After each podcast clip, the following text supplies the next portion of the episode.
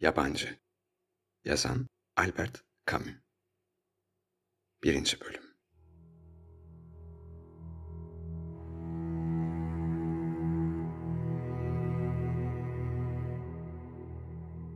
Bugün annem öldü. Belki de dün. Bilmiyorum. Huzur evinden bir telgraf aldım. Anneniz öldü. Cenazesi yarın kaldırılacak. Saygılar, diyordu. Bundan pek bir şey anlaşılmıyor. Belki de dün ölmüştür. Huzur evi Cezayir'den 80 kilometre uzakta, Marengo'da. Saat 2'de otobüse bineceğim ve öğleden sonra orada olacağım. Böylelikle geceyi annemin tabutu başında geçireceğim. Yarın akşam da dönmüş olacağım. Patrondan iki gün izin istedim. Böyle bir mazeret karşısında izin vermezlik edemezdi. Ama pek de memnun görünmüyordu. Hatta ona kabahat bende değil dedim. Cevap vermedi. O zaman keşke böyle demeseydim diye düşündüm.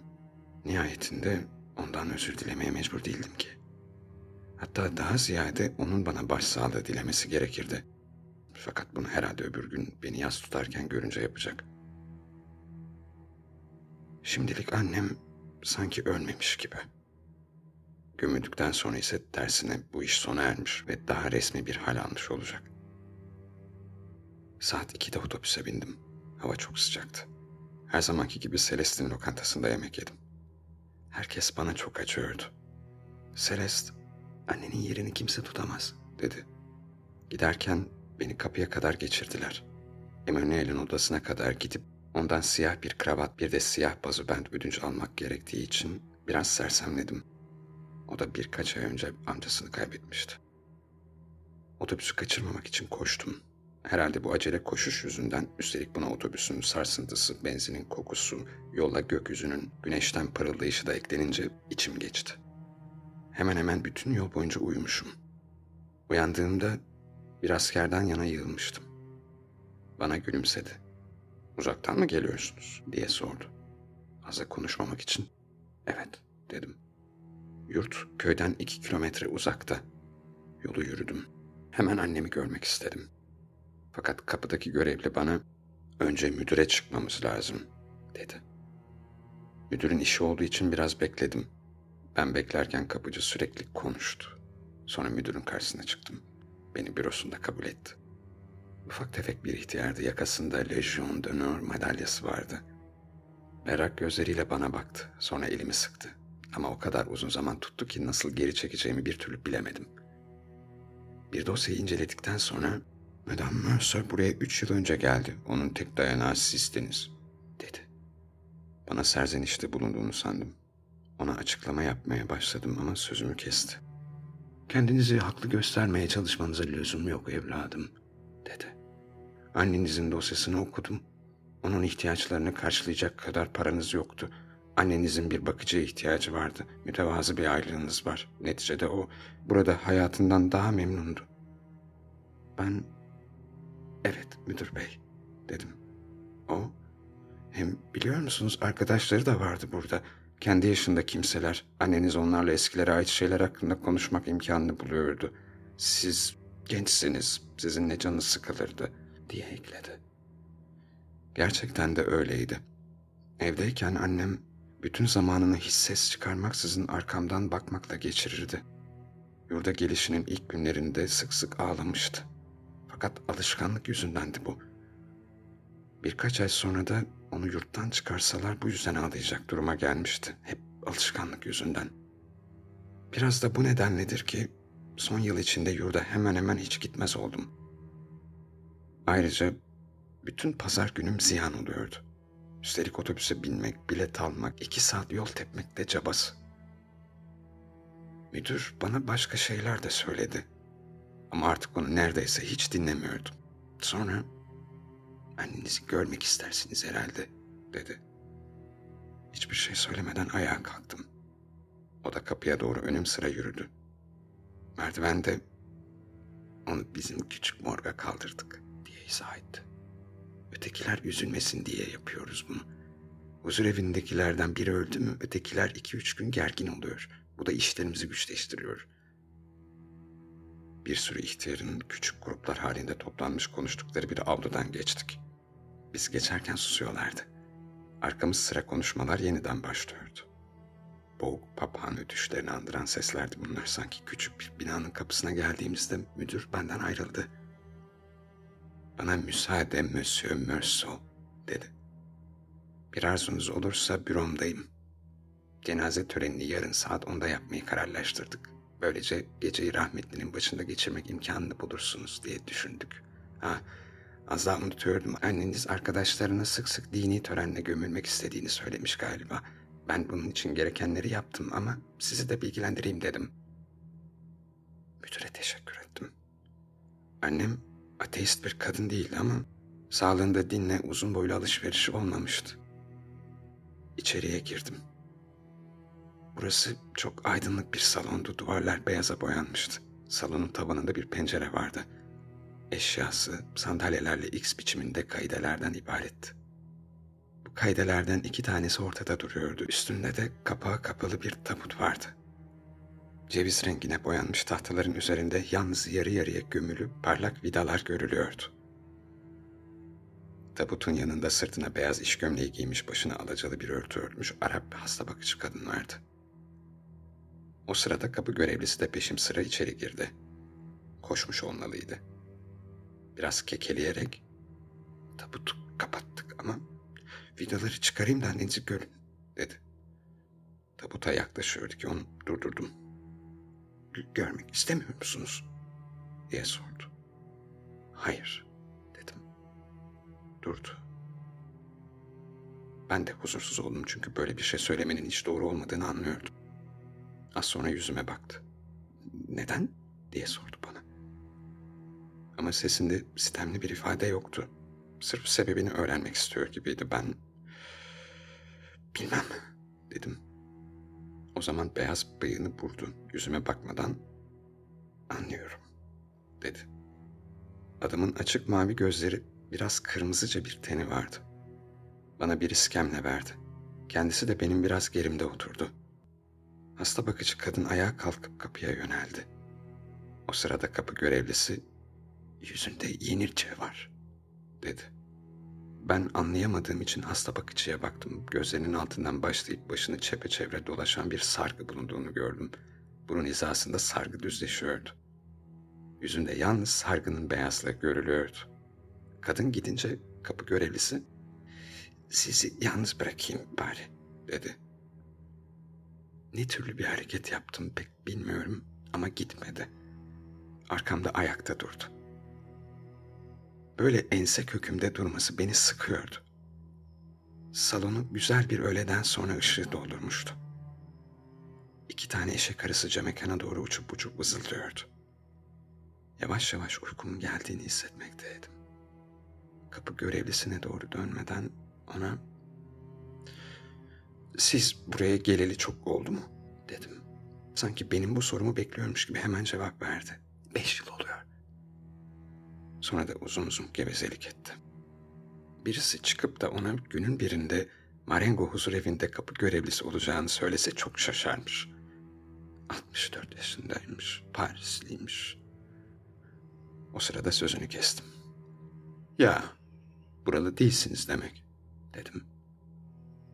Sonra da beni müdürün yanına götürmeden önce annemden bahsetmiş olduğunu hatırladım.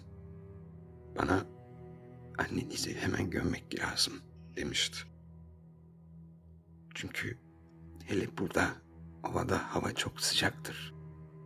İşte o zaman bana Paris'te yaşadığını, orayı bir türlü unutamadığını söylemişti.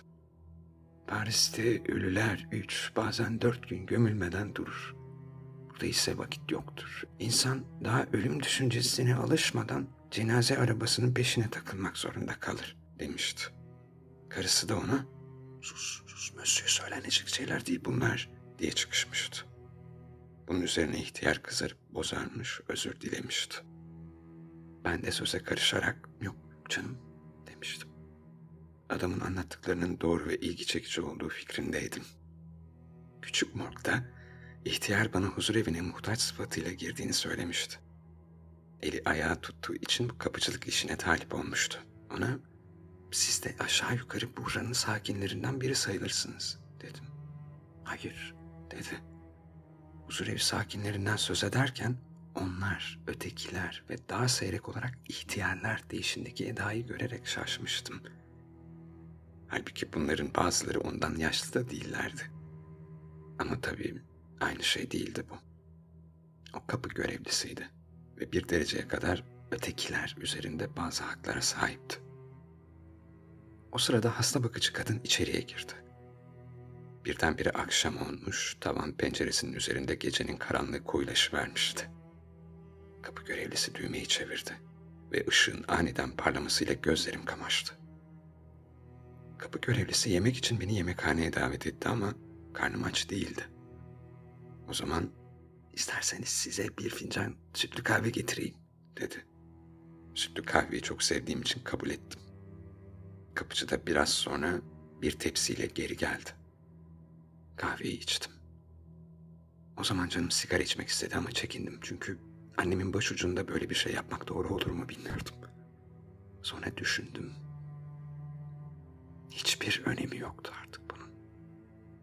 Kapı görevlisine de bir sigara ikram ettim. Beraberce içtik. Bir ara bana biliyor musunuz dedi. Annenizin arkadaşları da gelip onun cenazesini bekleyecekler. Adet böyledir. Gideyim de iskemle kahve getireyim. Görevliye şu lambaların birini söndürsek dedim. Işığın beyaz duvarlar üzerindeki parıltısı beni yoruyordu. Bunun mümkün olmadığını söyledi. Tesisatı böyle yapmışlar. Lambaların ya hepsi yanarmış ya hepsi sönermiş. Ondan sonra da artık aldırmadım ona. Dışarıya çıktı. Geri geldi, iskemleleri sıraladı. Bunlardan birinin üzerine bir kafetiyer etrafında da fincanlar yerleştirdi. Sonra annemin tabutunun öbür tarafına geçerek karşıma oturdu. Hasta bakıcı dip tarafa oturmuş, arkasını dönmüştü. Ne yaptığını görmüyordum ama kollarının hareketine bakılırsa yün örüyordu galiba. Hava ılıktı, kahve içimi ısıtmıştı. Açık kapıdan içeriye gecenin ve çiçeklerin kokusu giriyordu. Galiba biraz da uyukladım. Giysilerin hışırdama sesiyle uyandım. Gözlerimi kapamış olduğum için salon bana daha göz kamaştırıcı bir beyazlıkta göründü. Önümde tek gölge yoktu ve her eşya, her köşe, bütün eğri ve yuvarlak çizgiler gözlerimi yoran bir sertlikte belirmekteydi. İşte tam o sırada annemin arkadaşları içeri girdiler. On kişi kadardılar ve göz kamaştırıcı ışığın içinde sessizce kayıp gidiyorlardı. İskemlelerin hiçbirini gıcırdatmadan hepsi oturdular. Onları daha önce kimseyi görmediğim kadar iyi görüyordum. Yüzlerinin, elbiselerinin hiçbir noktası gözümden kaçmıyordu. Bununla beraber seslerini duymuyordum ve gerçekten var olduklarına güçlükle inanmaktaydım. Hemen bütün kadınlar önlük takmışlardı. Önlüklerin bellerini sıkan kemerleri karınlarının şişliğini daha da meydana çıkarıyordu. Yaşlı kadınların böylesine göbekli olabileceklerine o zamana kadar hiç dikkat etmemiştim. Erkeklerin hemen hepsi çok zayıftı. Ellerinde baston vardı. Yüzlerinde beni şaşırtan şey şuydu. Gözlerini görmüyordum da bir yığın kırışıklığın ortasında sadece fersiz bir ışık görüyordum. Oturduklarında çoğu bana bakıp çekingen çekingen başlarını salladılar. Dudakları dişsiz ağızlarının içine kaçmıştı. Bana selam mı veriyorlardı yoksa bir tik miydi bu pek bilemedim. Ama galiba beni selamlıyorlardı. O sırada hepsinin karşımda kapıcının etrafında oturup başlarını sallamakta olduklarını fark ettim. Bir ara onların beni yargılamaya geldikleri gibi gülünç bir duyguya kapıldım. Biraz sonra kadınlardan biri ağlamaya başladı. İkinci sırada arkadaşlarından birinin arkasında olduğu için onu iyice göremiyordum. Küçük küçük hıçkırıklarla düzenli bir şekilde ağlıyordu. Hiç durmayacakmış gibi geliyordu bana. Ötekilerin onu işitmiyormuş gibi bir halleri vardı. Hepsi çökük, asık yüzlü ve sessizdiler. Tabuta, bastonlarına ya da herhangi başka bir şey bakıyorlar ama hep ona bakıyorlardı. Kadın boynu ağlıyordu. Onu tanımadığım için bu haline çok şaşırıyordum. Artık ağlamasa diye düşünüyordum. Ama bunu kendisine söylemeye cesaret edemiyordum. Kapı görevlisi ona doğru eğilip bir şeyler söyledi ama kadın başını salladı. Bir iki söz kekeledi ve yine aynı düzenle ağlamaya devam etti. O zaman görevli bana doğru gelip yanıma oturdu. Epey zaman sonra da yüzüme bakmadan annenizin çok yakın bir arkadaşıydı diye açıkladı. Buradaki tek dostum oydu. Şimdi kimsem kalmadı diyor artık. Uzun zaman böylece durduk. Kadının iç çekişleri, hıçkırıkları gittikçe seyrekleşti. Sık sık burnunu çekiyordu, sonunda sustu. Artık uykum yoktu. Ama yorgundum ve böbreklerim ağrıyordu.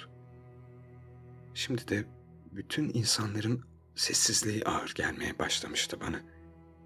Yalnız ara sıra acayip bir gürültü duyuyor, bunun ne olduğunu anlayamıyordum. Sonunda işin iç yüzünü anladım.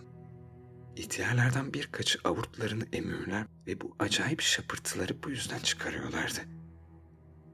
Öylesine düşüncelere dalmışlardı ki kendileri bunun farkında değildi. Hatta bana öyle geliyordu ki ortalarında yatmakta olan bu ölü kendileri için hiçbir anlam ifade etmiyordu. Ancak şimdi bunun yanlış bir izlenim olduğunu anlıyorum. Kapıcının ikram ettiği kahveden hepimiz içtik. Sonrasını bilmiyorum artık. Gece vakti. Yalnız bir ara gözlerimi açtığımı, ihtiyarların içlerinden bir tek hariç oldukları yere büzüşmüş uyuduklarını gördüğümü hatırlıyorum.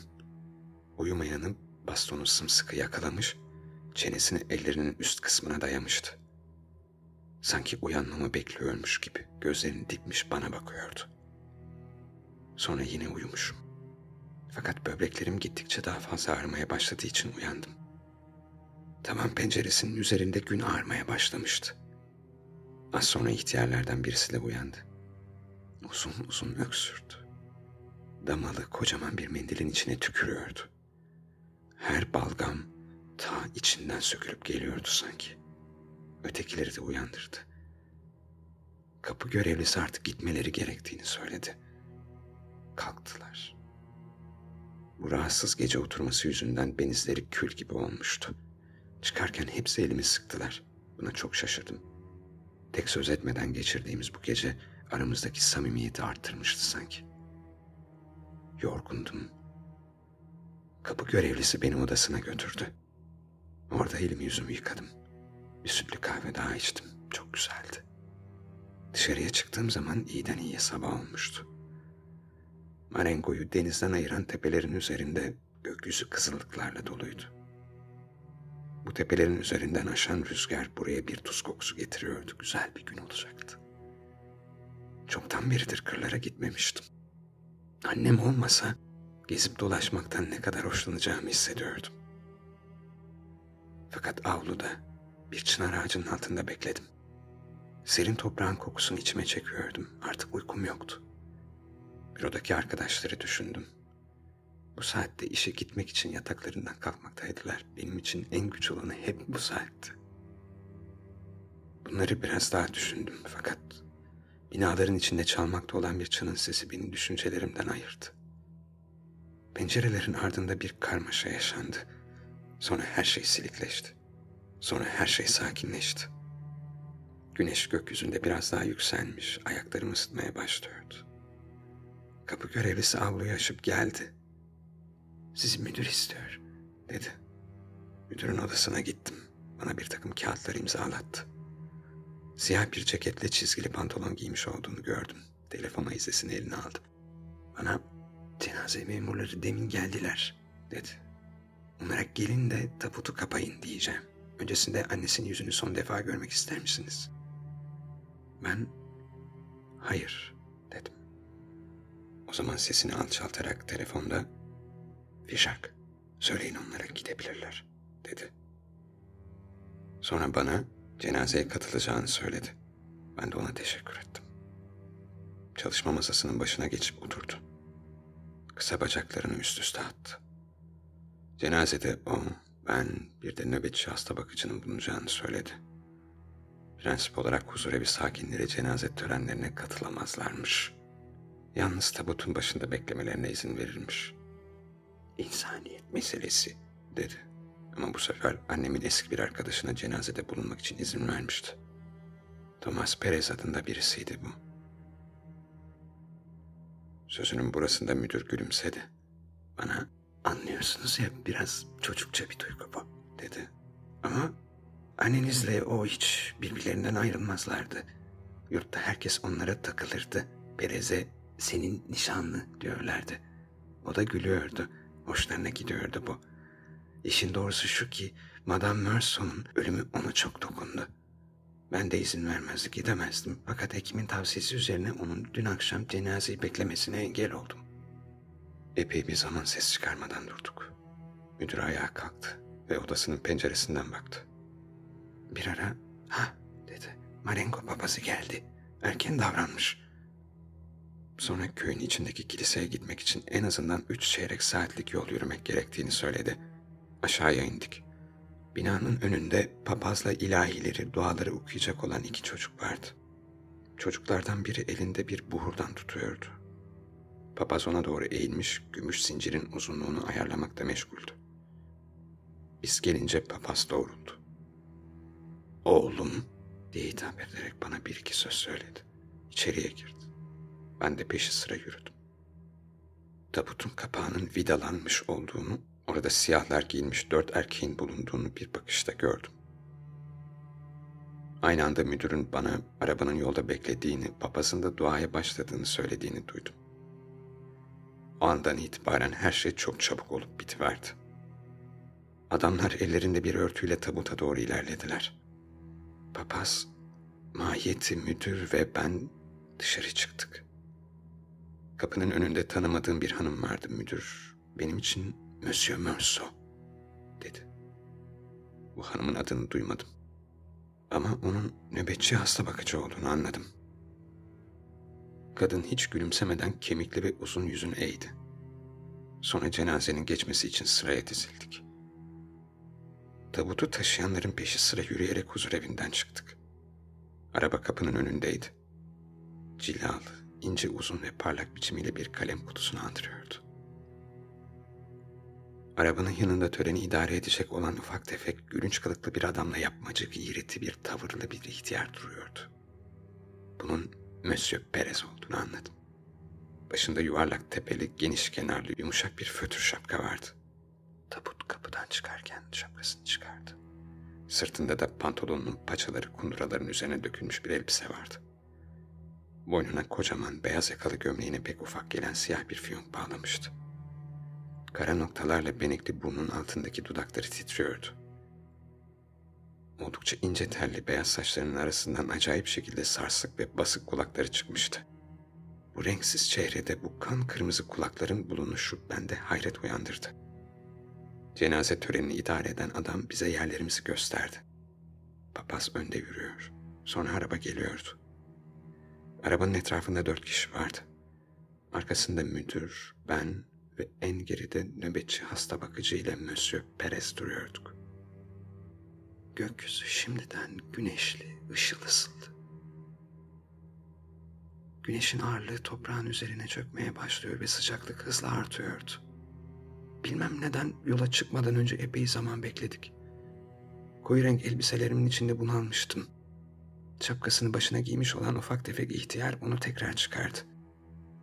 Biraz ona doğru dönmüş kendisini seyrediyordum ki müdür bana ondan bahsetti. Annemle Monsieur Perez'in çoğu zaman yanlarında bir hasta bakıcıyla beraber akşamları köye kadar bir gezinti yaptıklarını söyledi. Etrafımdaki kır manzarasına baktım. Göğe yakın tepelere giden sıra servileri, kızıllı yeşilli toprağı, bu seyrek ve çizgileri belirgin evleri seyrederken annemi anlıyordum. Bu dolaylarda akşam saati hüzünlü bir sükun devresi gibi olmalıydı herhalde. Bugünse güneşin taşkın ışınları manzarayı ürpertip titreterek onu yabani ve yorucu bir hale sokuyordu. Yola koyulduk. İşte tam o sırada Perez'in hafifçe toparladığını fark ettim. Araba yavaş yavaş hızlandıkça ihtiyar geride kalıyordu. Arabanın yanındaki adamlardan biri de geride kalmıştı. Ve şimdi benim hizamda yürüyordu. Güneşin gökte nasıl da çabuk yükseldiğine pek şaşıyordum. Kırların uzun zamandan beri böceklerin ötüşleri ve otların çıtırtılarıyla çınladığını fark ettim. Yüzümden terler akıyordu. Şapkam olmadığı için mendilimle yelpazeleniyordum. O sırada cenaze memuru bana bir şey söyledi ama işitmedim. Aynı zamanda sağ eliyle kasketinin kenarını kaldırarak sol eliyle kafasındaki terleri siliyordu. Ona ne dediğini sordum. Eliyle göğü göstererek güneş çarpıyor diye tekrarladı. Evet dedim. İhtiyar mıydı? Annemin yaşını iyice bilmediğim için e oldukça dedim. Sonra adam sustu. Arkamı dönünce ihtiyar Perez'in 50 metre kadar gerimizde olduğunu gördüm. Elindeki fötr şapkayı sallayarak acele acele yürüyordu. Müdüre de baktım. Hiçbir lüzumsuz hareket yapmaksızın büyük bir vakarla ilerlemekteydi. Anında birkaç damla ter belirmişti. Ama bunları kurulamıyordu.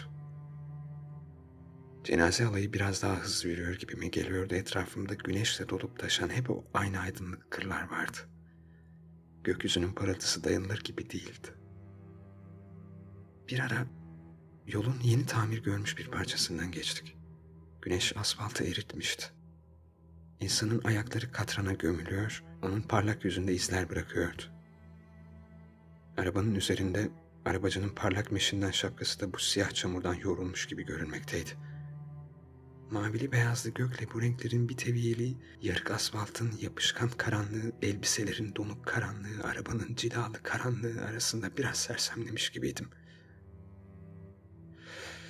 Bütün bunlar yani güneş, arabanın meşin ve gübre kokusu, cilaların ve buhurdanın kokusu, uykusuz bir gecenin yorgunluğu bakışlarımı da, düşüncelerimi de bulanıklaştırıyordu.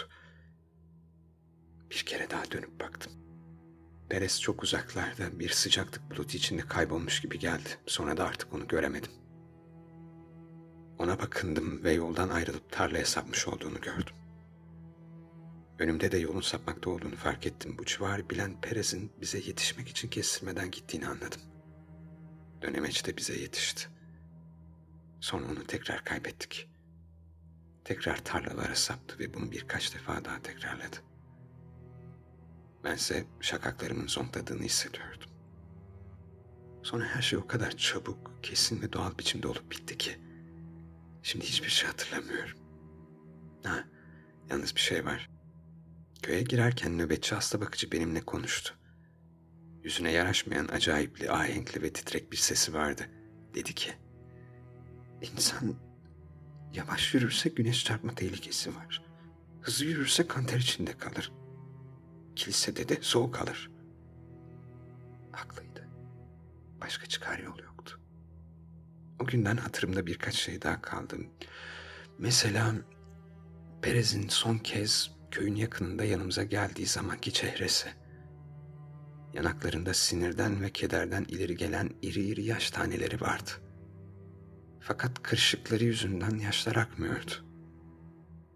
Yayılıp birleşerek bu harap yüzde sudan bir cila meydana getiriyorlardı. Sonra kilise ve kaldırımlarda sıralanmış köylüler, mezarlığın kabirleri üzerindeki kırmızı sardunyalar, Perez'in bayılması, kopup dağılmış. Annemin tabutu üzerine dökülen kızıl kan rengi toprak, ona karışan köklerin beyaz rengi, yine kalabalık, sesler, bir kahvenin önündeki bekleyiş, motorun bitmek bilmeyen homurtusu ve benim otobüsün Cezayir'in ışıkları içine girdiği, yatıp 12 saat uyuyacağımı düşündüğüm zaman duyduğum sevinç.